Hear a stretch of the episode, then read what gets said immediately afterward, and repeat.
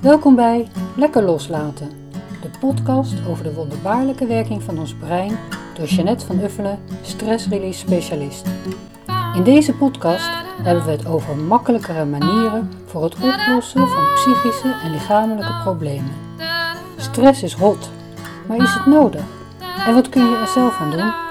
Om te beginnen, hoe makkelijk is bijvoorbeeld tapping? Wat zijn de ervaringen met tapping en wat zijn de resultaten uit wetenschappelijk onderzoek? Voor mensen die al van alles geprobeerd hebben en die bereid zijn om dat wat ze geleerd hebben weer los te laten.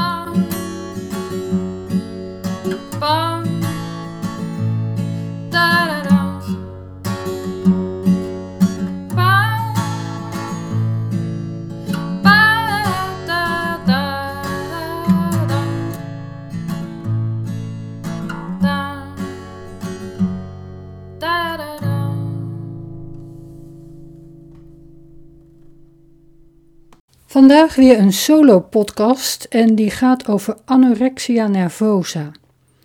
Dit verhaal staat ook al op mijn website als een blog, maar ik ga het je toch vertellen, want het is echt de moeite waard, vind ik zelf. Het is een praktijkverhaal en dat speelde in 2018 en het gaat over een meisje van 15, Kim. En Kim is niet haar ware naam. Ik heb in verschillende Scandinavische landen gewerkt en uh, dit was in Noorwegen. En ik ga het maar gewoon vertellen. Anorexia nervosa beschouwt men vanuit de geestelijke gezondheidszorg, psychologen en psychiaters, als een psychische ziekte. Maar ik zie het liever als een gevolg van onverwerkte ervaringen, een overlevingsmechanisme dat is aangeleerd en ook weer kan worden afgeleerd. Onlangs, ja dat was dus in 2018, kwam er een meisje van 15 jaar in mijn praktijk. Haar moeder had een paar sessies bij mij gedaan en het haar beide dochters aangeraden. Kim wilde het wel proberen omdat ze een doel had. Wat is jouw probleem? vroeg ik haar, nadat ik wat gegevens van haar had genoteerd. Met andere woorden, wat wil je vandaag veranderen? Kim zou binnenkort een marathon lopen om haar persoonlijke record te verbeteren. Ze rende zes dagen per week, soms zeven, want ze hield van rennen maar het was inmiddels ook een obsessie geworden. En ze had een goede conditie, maar was vaak te moe, te dun en te veel met eten bezig. De vorige keer dat ze haar record niet had kunnen verbeteren, was ze wekenlang down geweest. En ze was bang dat dit weer zou gaan gebeuren, maar niet meedoen was voor haar geen optie. Rennen is alles wat ik ben, zei ze. Ze had de diagnose anorexia nervosa en OCD, Obsessive Compulsive Disorder, dwanggedachten en dwanghandelingen. Toen ze twaalf jaar oud was, wisten haar ouders niet meer wat ze met haar aan moesten en lieten haar, op advies van een kinderpsycholoog, opnemen in een speciale kliniek. Drieënhalve maand werd ze gedwongen te eten. Ze voelde zich verloren en in de steek gelaten. Iedere dag was hetzelfde en duurde een eeuwigheid. Ze was ook de jongste op die afdeling. Ik zat dus met allemaal mensen die allemaal veel ouder waren, geen andere kinderen. Nadat ze wat kilo's was aangekomen, mocht ze weer naar huis. Thuis raakte Kim geobsedeerd met eten en vooral met niet eten. Over haar ervaring in de kliniek werd niet gepraat. In het hardlopen vond ze een uitlaatklep. Ze ging trainen met haar vader, die in verband met zijn werk ook graag zichzelf uitdaagt en een goede conditie heeft. Ze werd door iedereen geprezen om haar prestaties.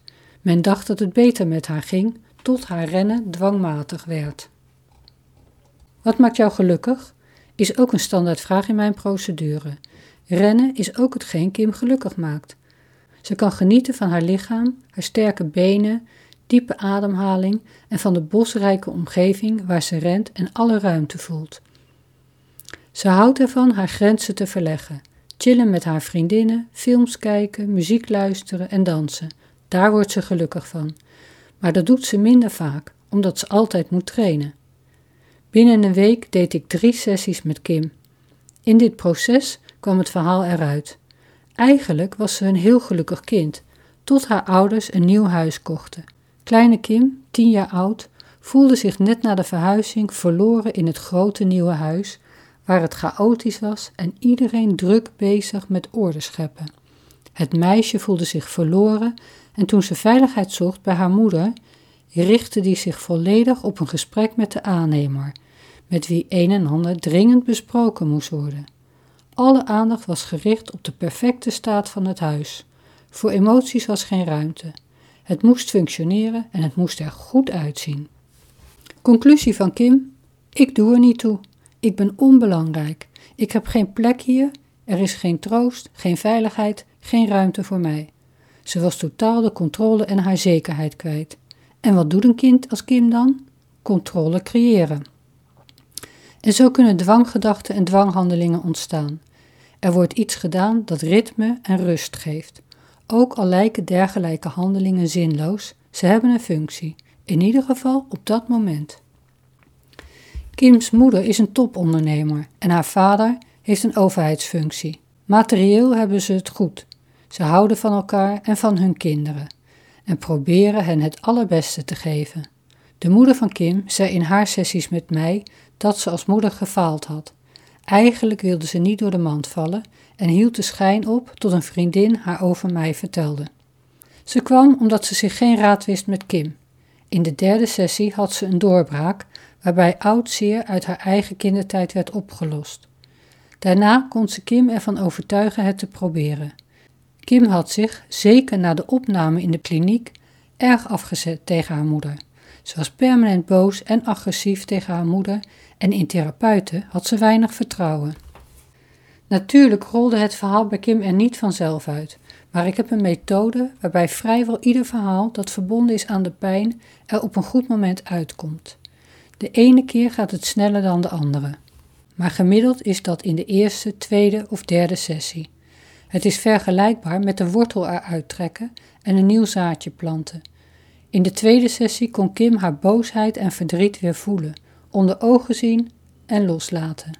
Ondanks dat ze helemaal wakker en bewust de sessie deed, was ze tevens in trance, waardoor op onbewust niveau onverwerkte emoties werden opgelost. Kim vertelde aan haar vader dat zij zich voor het eerst gehoord voelde en hierdoor meer begrip voor zichzelf gekregen had. Haar vader, rechercheur bij de politie, had tevoren zijn bedenkingen gehad, maar hij was onder de indruk toen hij de verandering en ontspanning in zijn jongste dochter zag. En uiteraard was hij vooral opgelucht. Na Kims drie sessies kwam haar moeder voor nog een sessie. Zij wist de oorzaak van Kims problemen en voelde nog steeds spijt en schuldgevoel. Maar we raakten in deze sessie ook aan een pijnpunt in haar eigen jonge jaren, waardoor haar onvermogen ontstaan was. Hierdoor ontstond er ruimte en begrip voor haar falen als moeder en kon ze zichzelf vergeven en het loslaten. Je kunt het verleden niet terugdraaien. We maken allemaal fouten, ook ten aanzien van onze kinderen. Je kunt het onder ogen zien, jezelf vergeven en in liefde loslaten. De oorzaak moet je niet in je kind zoeken, maar eerst in jezelf. En fout is natuurlijk een relatief begrip. Ik ga ervan uit, en dat was ook zeker bij deze moeder het geval, dat ze haar stinkende best deed. Maar dan nog kun je wel eens naast zitten. Ja, en dan kan je dan niet terugdraaien. En dan is het heel belangrijk om daar toch te vergeven, om jezelf te vergeven. Dat is eigenlijk het allerbelangrijkste. Want jezelf iedere dag op je kop geven, daar wordt niemand beter van.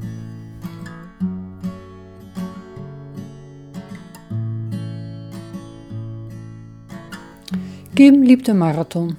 Ze had er een jaar voor getraind en in de laatste sessie werkten we aan emoties rond het resultaat. Op de dag van de race vroeg ik haar s'avonds hoe het gegaan was. Ze had haar record niet verbeterd, maar reageerde er ontspannen op. Rennen was het enige geweest waarvoor ze zichzelf waardeerde. Inmiddels wist Kim dat ze meer was dan een renner of een anorexia-patiënt. Een maand later vroeg ik nog eens hoe het ging. Jaren wilde Kim niets met haar moeder, maar ze had ook spijt van alle verwijten die ze haar moeder maakte. Nadat er bewust en op het onbewuste niveau was opgeruimd, was er begrip, vergeving en liefde en konden ze weer verbinden. Ze hadden vrede gesloten met zichzelf en met elkaar. En ik herinner me dat ze een paar weken daarna met z'n twee op vakantie zijn gegaan. En dat ik kreeg toen een berichtje van moeder dat ze, nou ja, hoe fijn dat was. En ze bedankte me nogmaals, want ze, waren gewoon allebei eigenlijk blij dat ze dit gedaan hadden, want er was zoveel opgeruimd. En ze konden weer, ja, ze voelden zich weer verbonden met elkaar. Want liefde was er altijd wel geweest, dat was het punt niet. In dit verhaal blijkt dat de oorzaak, het ontstaan van OCD en anorexia, helemaal niets met eten te maken heeft. Dus iemand dwingen om te eten maakt het er niet beter op. Integendeel, Kim werd als twaalfjarige in de kliniek gedwongen om te eten. Op zich begrijpt ze dat wel, want ze was te mager, maar ze voelde zich wederom ontkend. Dus toen ze thuis kwam, was het probleem groter geworden. De oplossing zat niet in het eten, maar in het op zoek gaan naar en plaatsmaken voor het verdriet en de wanhoop die ze ervaren had. Uitsluitend praten op het cognitieve logisch denkende niveau brengt je daar niet. Daarvoor moet je toegang vinden in het onbewuste, waar alles ligt opgeslagen.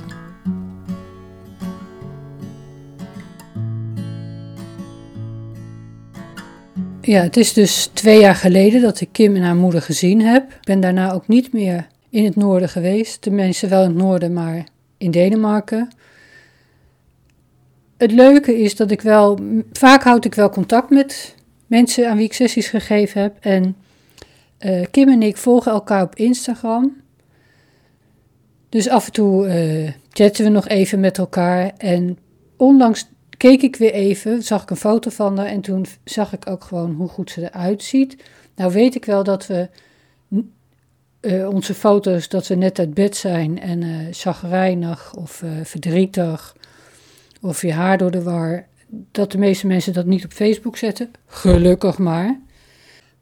Maar ik kon gewoon zien dat haar lichaam uh, weer wat voller is.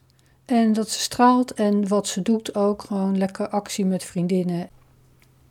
Ik heb vaker gewerkt met mensen met gewichtsproblemen. Vaak overgewicht, maar ook ondergewicht. Ik zit al heel lang in dit werk. En ik deed, wanneer was dat? Twee jaar geleden zo'n medische basiskennis opfriscursus. En toen viel het me op dat nou ja, 30 jaar geleden of zo had je anorexia en bulimia. Heet dat toen al zo? Ik geloof het wel. Dus of te dik of te dun. En nu heb je, geloof ik, 12 eetstoornissen. Met officiële Latijnse, dan wel Engelse namen. Binge disorder, dus dat is gewoon uh, vreetaanvallen, stoornis. Uh, anorexia, nervosa en nog een andere anorexia en bulimia met uh, tig varianten. Wat heb je daar nou aan? Ja, het enige wat je daaraan hebt is met altijd onderscheiden. Kunnen ze dus ook weer verschillende pillen bij leveren? Nou, daar word je meestal überhaupt dik van. En het onderdrukt heel erg je emoties. En dat is precies waar je moet zijn. Want eten, alle eetstoornissen hebben met onderliggende emoties te maken. En met uh, heel vaak ook met je zelfbeeld. En de kunst is om allereerst te accepteren dat je zo bent, dat je er zo uitziet.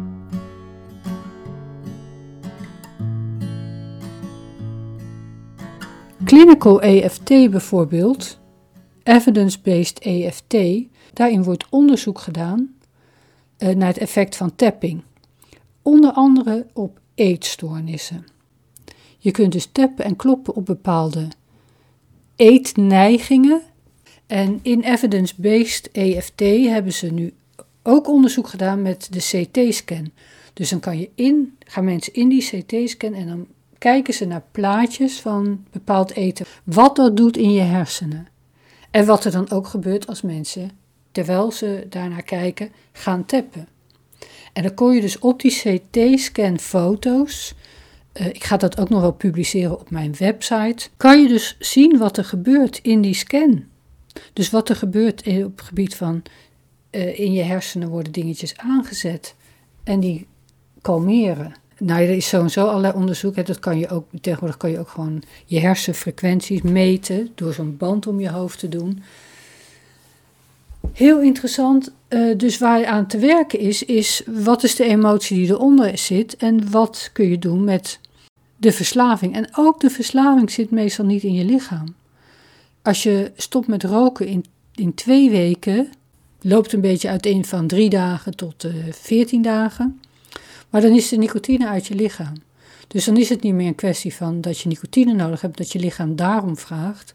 Dan is het vooral dat, je, dat jij erom vraagt, omdat je die emoties niet meer kan wegstoppen. Dus dat maakt het lastig om dit soort dingen te doen. Ja, je komt even. Dat is vaak wat mensen tegenhouden. Dan denk ik, ja, maar ik wil niet voelen wat ik niet wil voelen. En als ik stop met roken, ga ik van alles voelen. Of als ik stop met snoepen. Of nu zit ik iedere avond van alles weg te eten. Of weg te werken. Of weg te seksen. Of weg te gokken. Of weg te werken. Te drinken. Te snuiven. Noem maar op. Weet je, als het spul is uitgewerkt, voel je het weer. En er zijn manieren om die emotie op te lossen. Kijk, het verleden kun je niet veranderen, maar je kunt dat wel uit je systeem gooien. Uh, want de, de reden dat we er last van hebben is ons denken. En ons denken, dat roept emoties op. Nou, daar kun je iets aan veranderen. En uh, vaak heeft, hebben die problemen, heeft de oorsprong van gewichtsproblemen niet met eten te maken. Eten, of te veel eten, of te weinig eten, of een dik lichaam, of een dun lichaam, of een gezond lichaam, of een ongezond lichaam, is een gevolg, is niet de oorzaak. En over het algemeen zijn pillen en diëten allemaal gericht op dat gevolg, maar daar zit de oorzaak niet. Ik heb zelf ook allerlei diëten gedaan. Nou, heeft allemaal niet geholpen. Of ja, ik viel wel kilo's af en die zaten er in no time weer aan. Drinken, roken, hetzelfde verhaal. Daar zit de oplossing niet. En de oplossing is niet zo moeilijk. Hartelijk dank voor het luisteren naar Lekker Loslaten. Mede namens iedereen die heeft bijgedragen aan deze podcast. Luister ook nog even naar een paar belangrijke dingetjes. Wil je bijvoorbeeld meer horen? Abonneer je dan op deze podcast. Volg de instructies in de app die je hiervoor gebruikt. En word jij nou een beetje blij van wat je hebt gehoord? Deel dan die blijdschap en geef ons een review. En natuurlijk kun je de podcast delen via social media of doorsturen aan mensen die je een makkelijker leven gunt. Ik heb ook nog iets leuks voor je. In 10 minuten leer ik je de basisbeginselen van tapping. Heel simpel. Ga daarvoor naar janetvanuffelen.nl slash take a break met streepjes ertussen. En meld je dan aan voor deze gratis praktische tappingles met video. Ik hoor graag wat je ervan vindt dus wil je iets delen of heb je een vraag? Schroom niet, maar stuur me een e-mail via podcast En Jeanette is J-E-A met dubbel N en dubbel T en Van Uffelen met dubbel F. En tot de volgende keer bij Lekker Loslaten.